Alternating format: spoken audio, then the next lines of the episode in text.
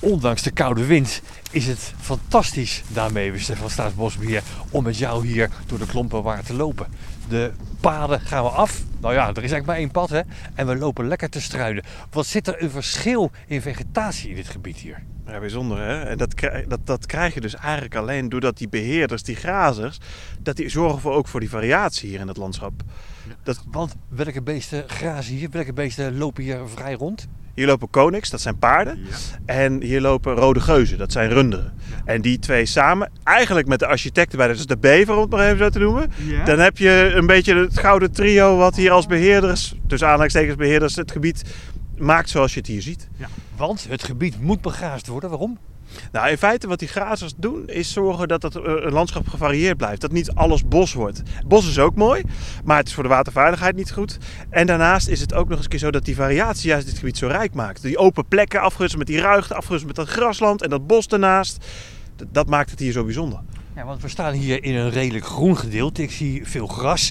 Maar als we 20 meter terug zouden lopen, dan komen we weer tussen al die distels. Een heel, heel ander gebied. Ja, totaal anders. Hè? Ja.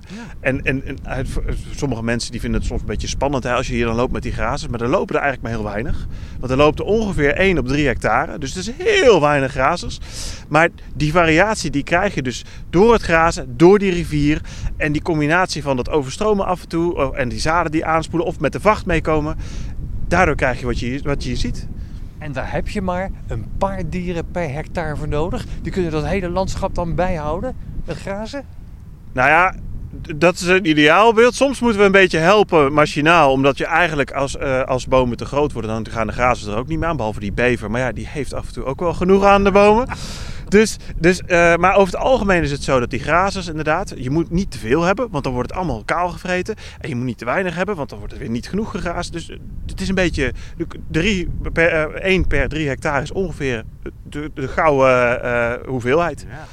Ik zie aan de rechterkant, net over de middengul zal ik maar zeggen, het lage gebied, daar staan een groepje van die koningspaarden. Hoe kan je nou zien dat ze hier natuurlijk naar hun zin hebben?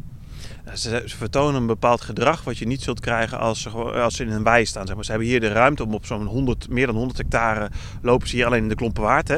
En dan gaan ze migreren door het gebied. Je krijgt dat ze kuddes, sociale kuddes gaan vormen met een leidhengst en dan de merries erbij. De hengsten die niet in die kudde horen, die gaan samen een soort van jongensgroepjes vormen. Dus ze vertonen echt een bepaald natuurlijk gedrag hier zo. En dat, dat, dat, ja, dat is heel passend voor deze paarden, in dit geval waar we het nu over hebben, in dit gebied, in zo'n, in zo'n natuurgebied. Het zijn geen wilde dieren. Hè? Als er iets mee is, dan komt er gewoon een dierenarts bij. Dus het zijn geen wilde. De koeien hebben ook gewoon oormerken. Alleen ze hebben wel hier jaar rond de ruimte om dit gebied te begrazen. En dus vertonen ze gedrag ja, wat ze in de vrije natuur altijd zouden doen. Nee, ze vertonen inderdaad heel natuurlijk gedrag. Ja, ja, ja, ja. Hoe zie je dat bij de runderen? Nou, die runderen, dat is ook wel heel leuk. Want die stieren bijvoorbeeld, die gaan een beetje matchgedrag vertonen door stierenkuilen te maken. Oh.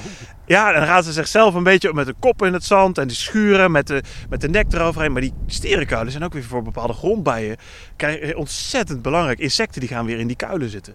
Dus dat, dat gedrag van die stierenkuilen en ook gewoon ook daar weer die sociale kuddes met die vrouwelijke dieren, met die jonge dieren erbij. En die migreren ook weer door dat gebied. Ja, dat is, dat is ook weer iets wat je krijgt doordat ze hier die ruimte krijgen om een jaar rond te grazen deze Klomperderwaard, waar we nu in wandelen. Dit stukje gebied tussen de Rijn en de Waal. Met alles wat hier gebeurt, overstromingen, eh, met rust laten, eh, de grazers. Is dit nou een gebied, ja, relatief eh, jong natuurgebied, is het nou in evenwicht? Het, het, is best wel een evenwichtig gebied, maar het kan vooral ook tegen een stootje. Hè? Dus al die dynamische omstandigheden. Denk als het water stijgt, dan gaan er heel veel kleine zoogdieren dood. En heel veel insecten. Maar binnen no time krijg je dat ze het gebied weer koloniseren.